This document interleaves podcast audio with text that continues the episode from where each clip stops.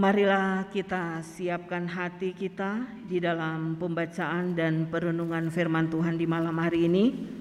Adapun tema perenungan kita diberkati untuk menjadi berkat. Dan pembacaan Alkitab terdapat di dalam Ulangan 15 ayat 7 sampai dengan ke-11. Sebelum membaca dan merenungkan akan sabda firman Tuhan, Mari kita berdoa. Ya Tuhan Allah, Bapa kami yang bertahta di dalam kerajaan surga. Terima kasih kami kembalikan lagi kepadamu ya Tuhan di malam hari ini. Kami sudah memuji-muji Engkau dan kami sudah bermasmur bagi namamu Tuhan. Dan di saat ini kami hendak membaca dan merenungkan akan kebenaran firman-Mu. Berkati kami semua Tuhan, umat-Mu yang akan membaca dan mendengarkan akan firman-Mu. Umat-Mu yang ada di dalam rumah-Mu yang kudus ini, tetapi umat-Mu yang mendengarkan secara online, baik di rumah mereka masing-masing, di barak maupun di tempat kerja. Berkati juga hambamu Bapak Penatua Yongki Wopari yang akan menyampaikan kebenaran firmanmu di malam hari ini. Berkati hambamu, pakai hambamu, biarlah hambamu boleh berkata-kata hanya seturut dengan kasih dan kehendak Tuhan. Berfirmanlah bagi kami Tuhan, kami umatmu siap mendengarkan apa kata firmanmu. Hanya di dalam nama Tuhan Yesus kami berdoa. Amin.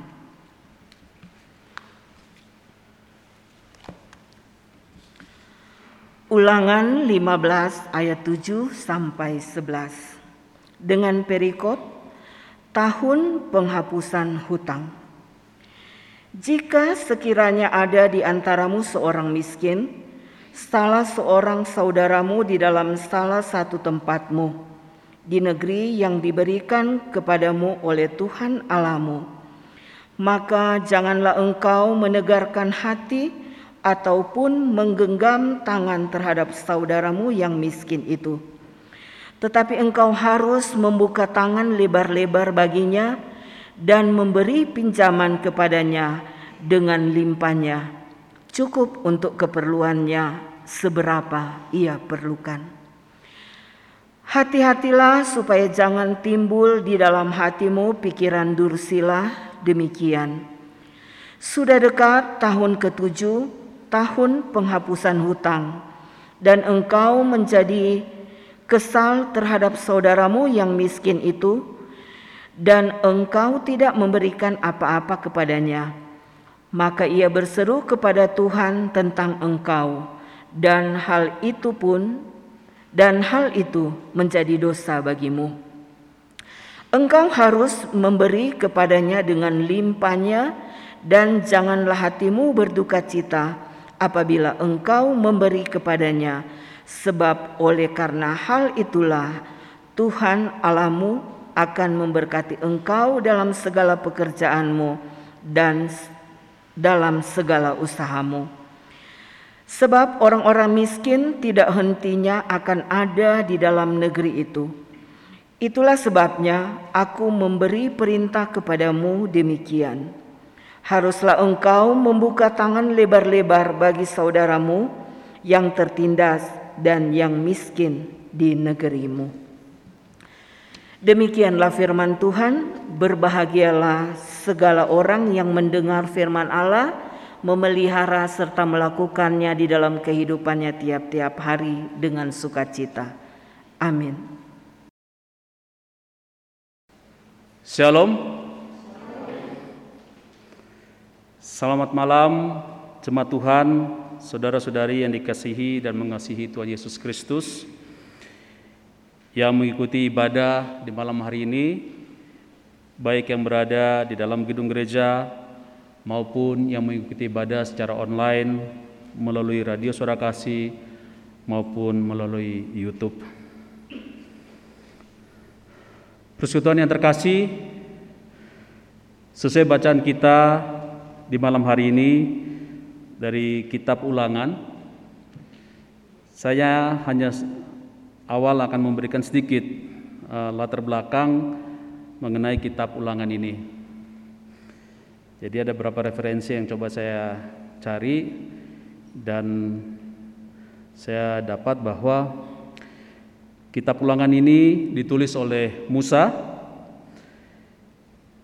dan kemudian ditambahkan juga oleh Yosua. Dan kitab ulangan ini diterjemahkan dari bahasa Inggris Deuteronomy yaitu dari bahasa Yunani Deuteronomion yang berarti pemberian hukum yang kedua. Kitab ini ditulis oleh Musa di dataran Moab kepada generasi baru Israel yang akan masuk ke tanah Kanaan. Jadi uh, kitab ini ditulis oleh Musa sebelum uh, umat Israel masuk ke tanah Kanaan. Kemudian hukum kedua ini adalah hukum yang diperbaharui sesuai situasi dan kondisi bangsa Israel yang nantinya mereka tidak akan lagi sebagai bangsa pengembara tetapi sebagai bangsa yang akan menetap di tanah yang diberikan Allah yaitu tanah Kanaan. Persekutuan yang terkasih dan mengasihi Yesus Kristus itu yang saya uh, boleh sharing tentang latar belakang daripada kitab penulisan kitab ulangan ini. Dari pembacaan kita kitab ulangan pasal 15 ayat 7 hingga ayatnya yang ke-11 di sini kita akan bersama-sama belajar tentang kebenaran firman Tuhan dengan tema yaitu diberkati untuk menjadi berkat. Diberkati untuk menjadi berkat. Mungkin saya boleh bertanya, kira-kira jemaat semua yang ada di dalam gereja maupun yang mengikuti secara online suka diberkati atau suka menjadi berkat? Atau dua-dua? suka diberkati dan juga suka menjadi berkat. Atau salah satu? Bang Pos? Dua-duanya. Oke. Jadi diberkati, suka diberkati dan juga suka menjadi berkat. Kalau jemaat semua sudah uh, sepakat bahwa suka diberkati dan juga suka untuk menjadi berkat, berarti kita renungan itu saja. Kita doa penutup sudah baru kita. ya, jadi persekutuan yang terkasih diberkati untuk menjadi berkat ini adalah hal yang seperti mata uang antara sisi satu dan sisi yang lainnya. Gak bisa kita bilang kita diberkati saja, tidak bisa kita bilang kita di uh, menjadi berkat. Dua-duanya harus jalan. Maka tadi Bang Posma dengan suara keras, ya dua-dua diberkati dan menjadi berkat. Karena ini hal yang tidak bisa dipisahkan. Kita diberkati berarti kita juga harus menjadi berkat. Ya. Nanti kita uh, sama-sama belajar. Saya juga belajar juga tentang uh, tema ini. Jadi pada pembacaan ini kita menurut saya sangat menarik sekali bahwa Tuhan menunjukkan umat Israel akan diberkati dengan limpah-limpah. Dan tadi saya tanyakan, kita suka memberkati, kita suka diberkati dan kita juga suka memberkati atau eh, berkat, menjadi berkat. Siapa yang tidak suka dengan janji seperti itu? Dan siapa yang tidak suka dengan firman Tuhan seperti ini? Bahwa kita diberkati dan kita juga menjadi berkat. Dan saya secara pribadi, ya saya juga suka dengan janji Tuhan itu bahwa Tuhan akan memberikan kita berkat yang melimpah-limpah. Dan saya yakin Bapak Ibu Saudara-saudara semua yang dalam gereja maupun secara online mengikuti ibadah ini kita juga suka dengan menerima menerima janji itu karena di dalam Tuhan kita akan menerima segala yang terbaik termasuk berkat-berkat Tuhan itu.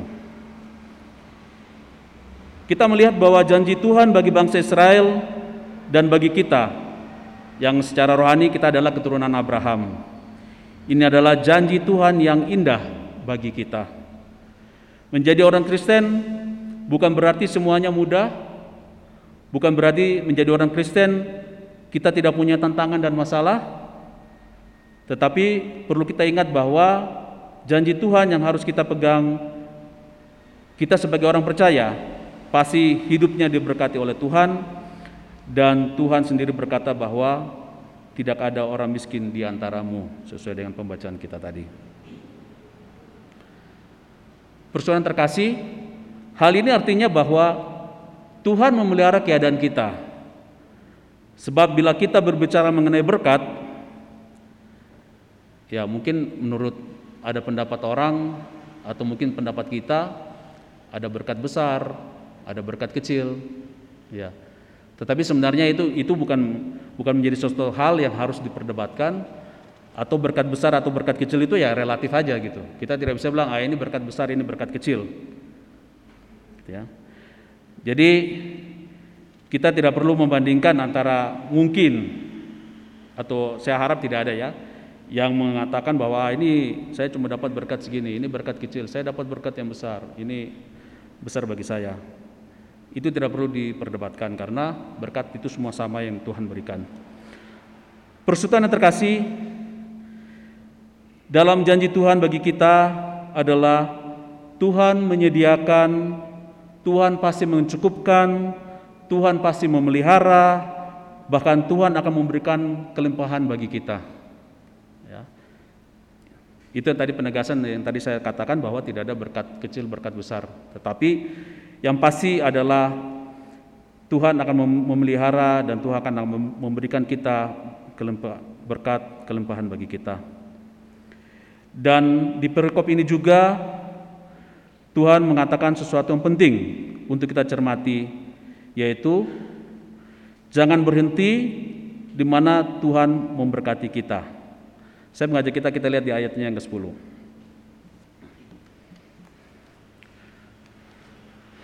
Engkau harus memberi kepadanya dengan limpahnya dan janganlah hatimu berduka cita apabila engkau memberi kepadanya sebab oleh karena hal itulah Tuhan Alamu akan memberkati engkau dalam segala pekerjaanmu dan dalam segala usahamu. Ya.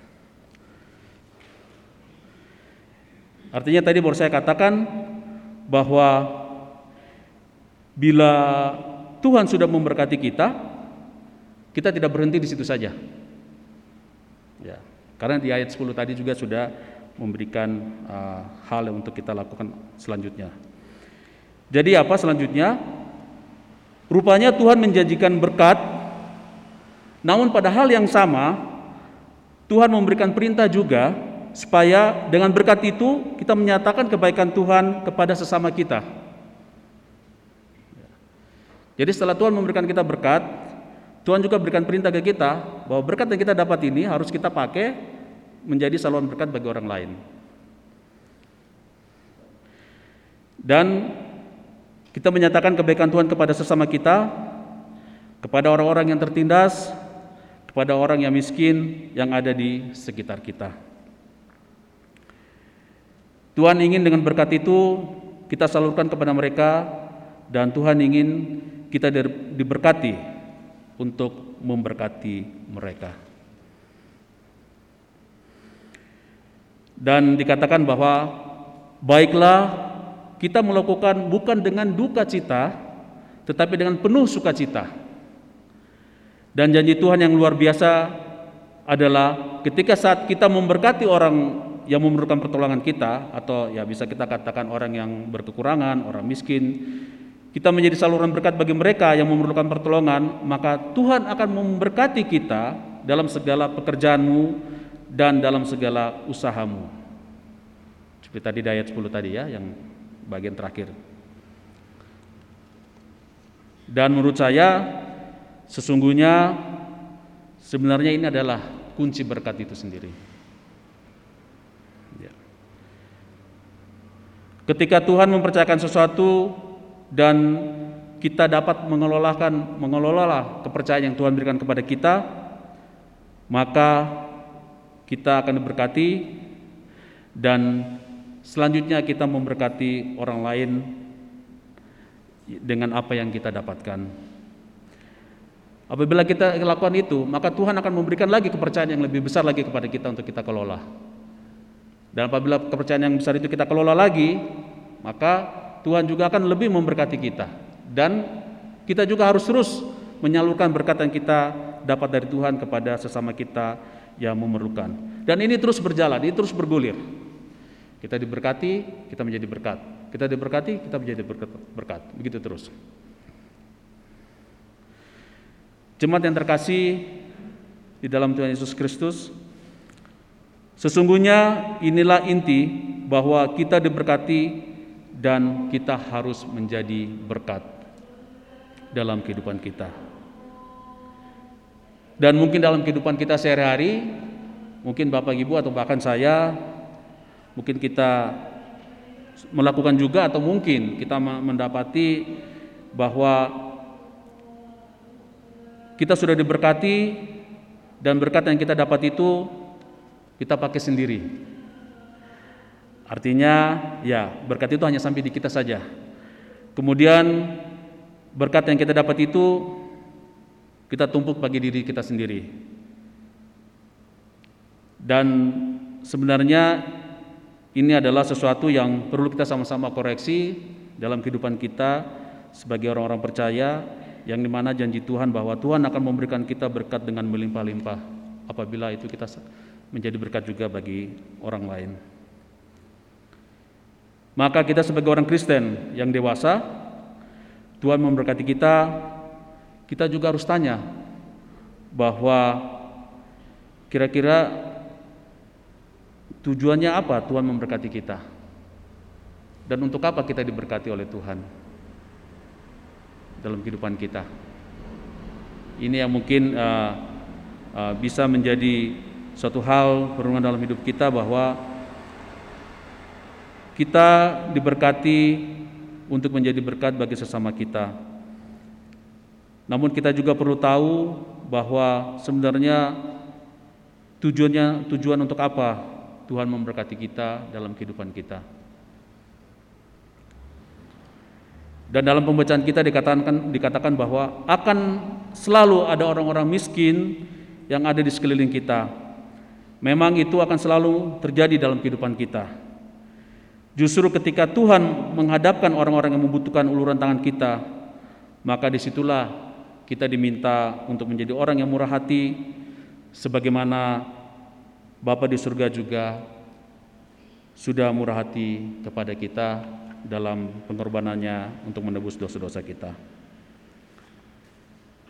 Perkesutan yang dikasihi dan diberkati oleh Tuhan Yesus Kristus, mungkin dari uraian yang tadi saya sampaikan, ini kita melihat bahwa mungkin ini berkat yang sifatnya mungkin banyak materi ya, ya berkat materi.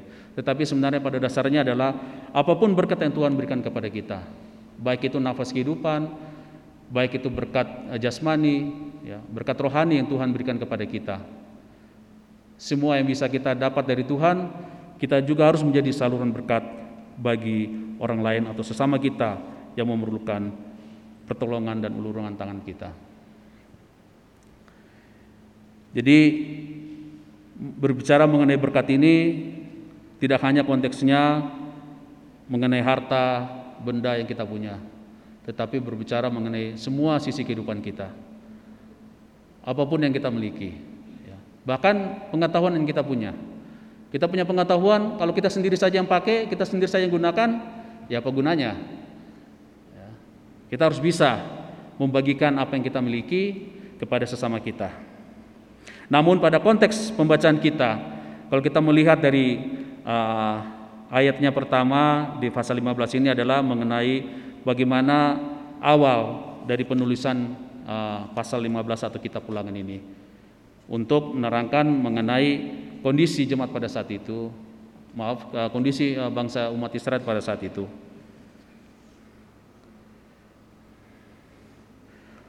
Persekutuan yang dikasih dan diberkati Tuhan, Hendaknya hidup kita yang sudah Tuhan berikan bisa kita gunakan sebaik mungkin untuk selalu mengulurkan tangan kita kepada orang yang membutuhkan dan bukannya menengadahkan tangan kita memohon belas kasihan orang tetapi hendaknya masing-masing kita belajar memberi dengan kerelaan hati dan dengan sukacita kebaikan itu tentu saja bisa muncul dalam diri banyak orang tetapi kebaikan yang berasal dari Allah adalah kita harus murah hati sama seperti Bapa yang adalah murah hati.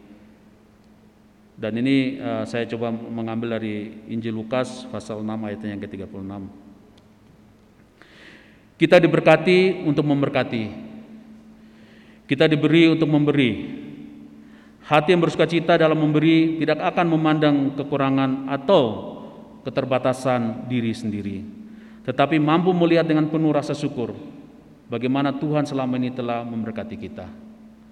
Artinya dengan segala kekurangan kita, dengan segala keterbatasan dalam diri kita yang kita miliki. Namun kita dituntun dari pembacaan kita dan juga dari firman Tuhan bahwa kita terus harus bisa merasa bersyukur dan bisa menjadi berkat bagi orang lain dalam kehidupan kita. Persekutuan yang diberkati dalam tema Perundungan kita di malam hari ini diberkati untuk menjadi berkat. Kiranya kita sebagai karyawan karyawati yang bekerja di tempat ini, bahkan mungkin kita sebagai ibu rumah tangga, kita harus terus di mana pun kita berada, kita bisa menjadi saluran berkat bagi sesama kita. Dan kita mulai dari lingkungan kecil, di mana kita bekerja dan di mana kita bersekutu. Sehingga apa yang sudah Tuhan janjikan kepada kita bahwa Tuhan akan memberikan kita berkat yang melimpah. Itu akan terus Tuhan berikan kepada kita dalam setiap kehidupan kita. Ya. Kalau kita berpikir bahwa kalau saya tidak menjadi saluran berkat bagi orang lain, apakah saya diberkati Tuhan? Ya. Tetapi saya ingin mengajak kita semua bersama-sama untuk mengingat bahwa diberkati dan menjadi berkat itu adalah dua hal sisi yang tidak dapat dipisahkan. Ya. Apabila kita hanya bisa merasa diberkati, tadi di firman Tuhan katakan bahwa tidak hanya berhenti saja sampai di situ, hanya diberkati. Tetapi kita harus lanjutkan itu adalah kita menjadi saluran berkat atau kita menjadi berkat bagi orang lain dan sesama kita. Jadi dua uh, sisi mata uang ini atau uh, ilustrasi seperti sisi mata uang ini yang harus kita ingat sama-sama. Jadi apabila hanya berkat kita diberkati saja, ya tidak bisa kita sebagai orang percaya seperti itu. Dan juga di suatu sisi kita hanya menjadi berkat. Ya, kita juga harus secara logika, secara manusia kita juga perlu untuk uh, dalam, kehidupan kita, dalam segala aktivitas kerja kita, kita juga diberkati oleh Tuhan persekutuan yang dikasih dan mengasihi Yesus Kristus sama seperti umat Israel yang di mana Tuhan juga sudah memberkati mereka keluar dari tanah Mesir sehingga mereka bisa masuk di tanah perjanjian ya. begitu juga kita lihat sejarah-sejarah di perjanjian lama saat uh, Abraham juga diberkati oleh Allah ya dengan berbagai janji Tuhan diberkati dengan berbagai dengan keturunan di seluruh bumi ini Kemudian kita lihat juga bagaimana uh, Raja Salomo juga diberkati dalam kehidupannya. Jadi semua tentang firman Tuhan diberkati itu tidak hanya sebagai satu tulisan semata, tetapi kita sudah bisa melihat eh, sejarah-sejarah uh, di Alkitab yang menceritakan tentang bagaimana uh, umat Tuhan diberkati. Dan setelah itu kita menjadi berkat dalam kehidupan kita bagi sesama kita. Kiranya firman Tuhan yang singkat ini dapat disempurnakan oleh Tuhan dalam kehidupan kita hari lepas hari. Dan tema perundungan kita di malam hari ini diberkati untuk menjadi berkat betul-betul bisa kita lakukan dalam kehidupan kita sebagai orang percaya. Dan ingat janji Tuhan bahwa dalam kehidupan kita sebagai orang Kristen kita akan mengalami tantangan, kita akan tidak akan uh, hidup dengan ya artinya santai-santai saja, tetapi tantangan itu selalu ada. Tetapi ingat bahwa Tuhan akan terus memelihara kita, Tuhan akan terus uh, memberkati kita dengan melimpah dan kita juga boleh menjadi saluran berkat bagi orang lain. Kiranya Tuhan memberkati firman-Nya di malam hari ini. Amin. Baik, persaudara yang terkasih, bersama-sama kita akan berdoa untuk persembahan di malam hari ini, ucapan syukur kita yang sudah kita berikan buat Tuhan, dan juga kita akan berdoa syafat. Mari kita berdoa. Bapa dalam surga, terima kasih Tuhan. Di malam hari ini, hambamu sudah berhenti berbicara dan bersama-sama kami belajar akan kebenaran firman-Mu dengan tema diberkati untuk menjadi berkat. Bapa dalam surga, dengan keterbatasan penyampaian yang hamba laku, sampaikan di malam hari ini Tuhan, biarlah Engkau saja mau menyempurnakan semua firman-Mu ini Tuhan, dan biarlah ini boleh menjadi rema dalam kehidupan semua jemaat-Mu yang bersama-sama beribadah di malam hari ini Tuhan. Bapa dalam surga, kami mau terus menjadi saluran berkat bagi sesama kami Tuhan. Dan kami juga mau terus Engkau berkati kami dalam segala kehidupan dan segala pekerjaan kami Tuhan.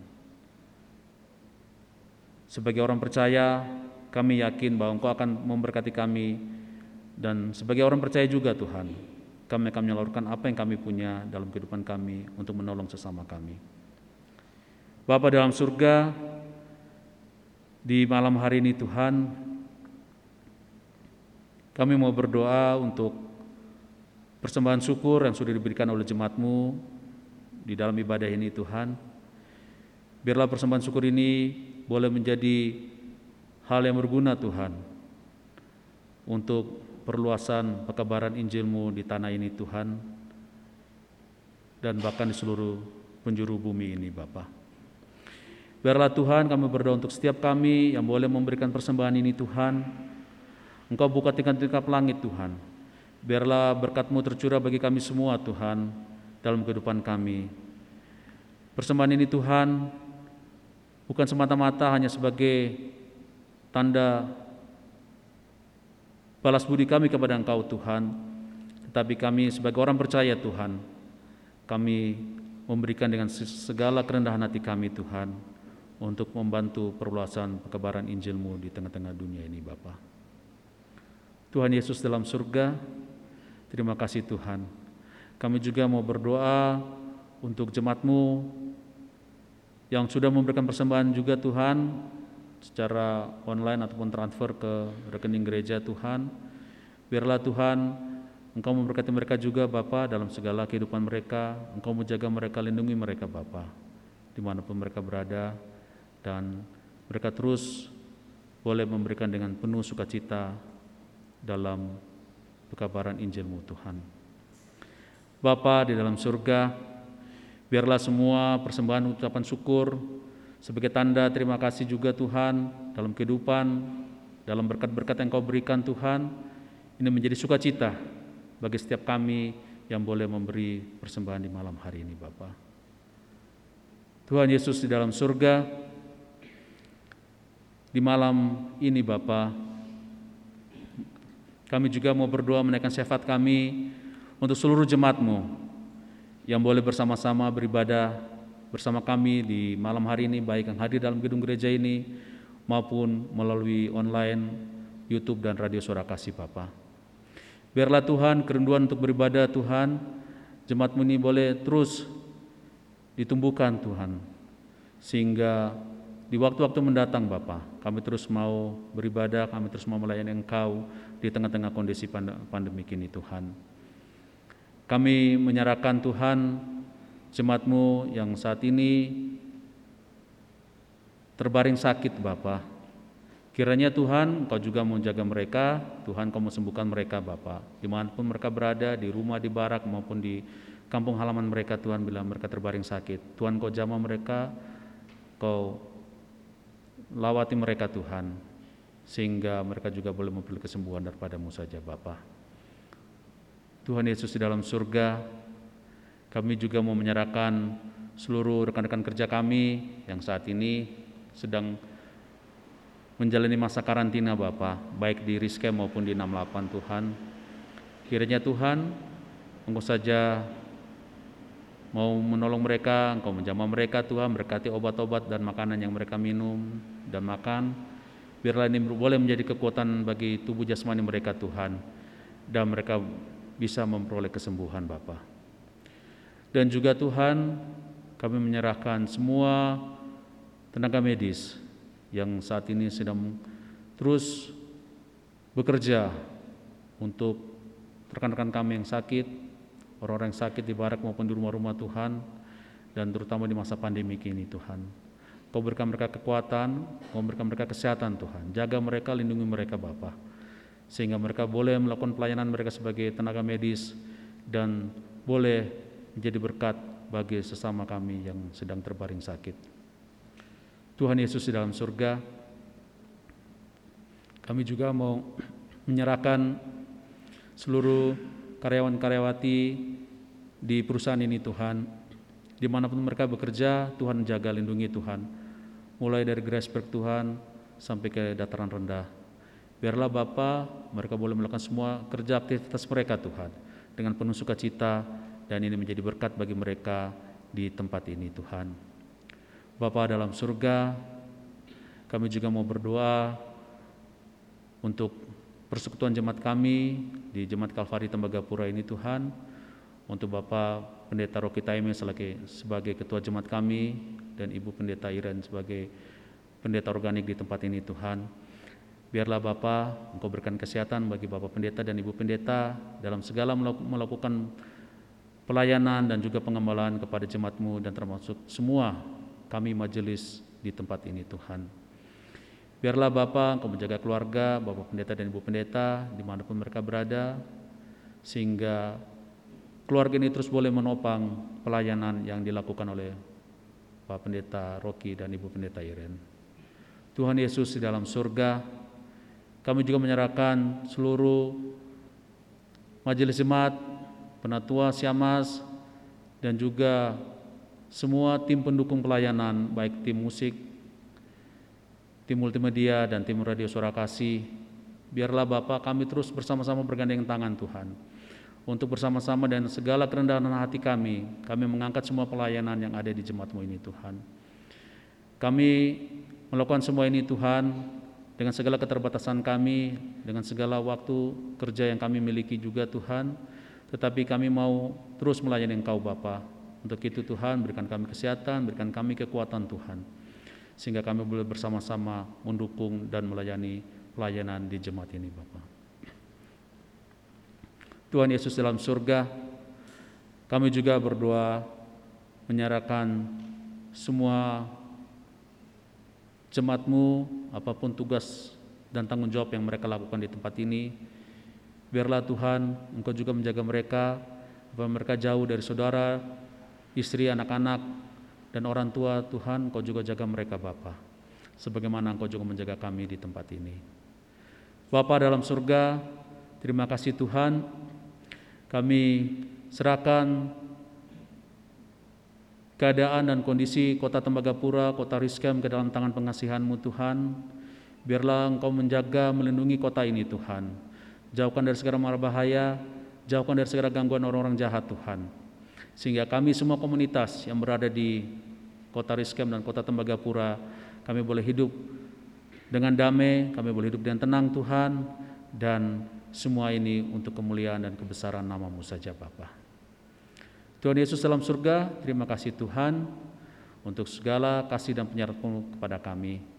Dan malam sudah menjadi bagian dari kami, kami akan kembali ke tempat kami masing-masing Tuhan. Biarlah Engkau menyertai kami, dan jaga kami di segala aktivitas kami dan kerja kami di hari esok. Terima kasih Tuhan, inilah doa dan ucapan syukur kami yang sudah kami panjatkan kepada Bapa di dalam sorga. Amin.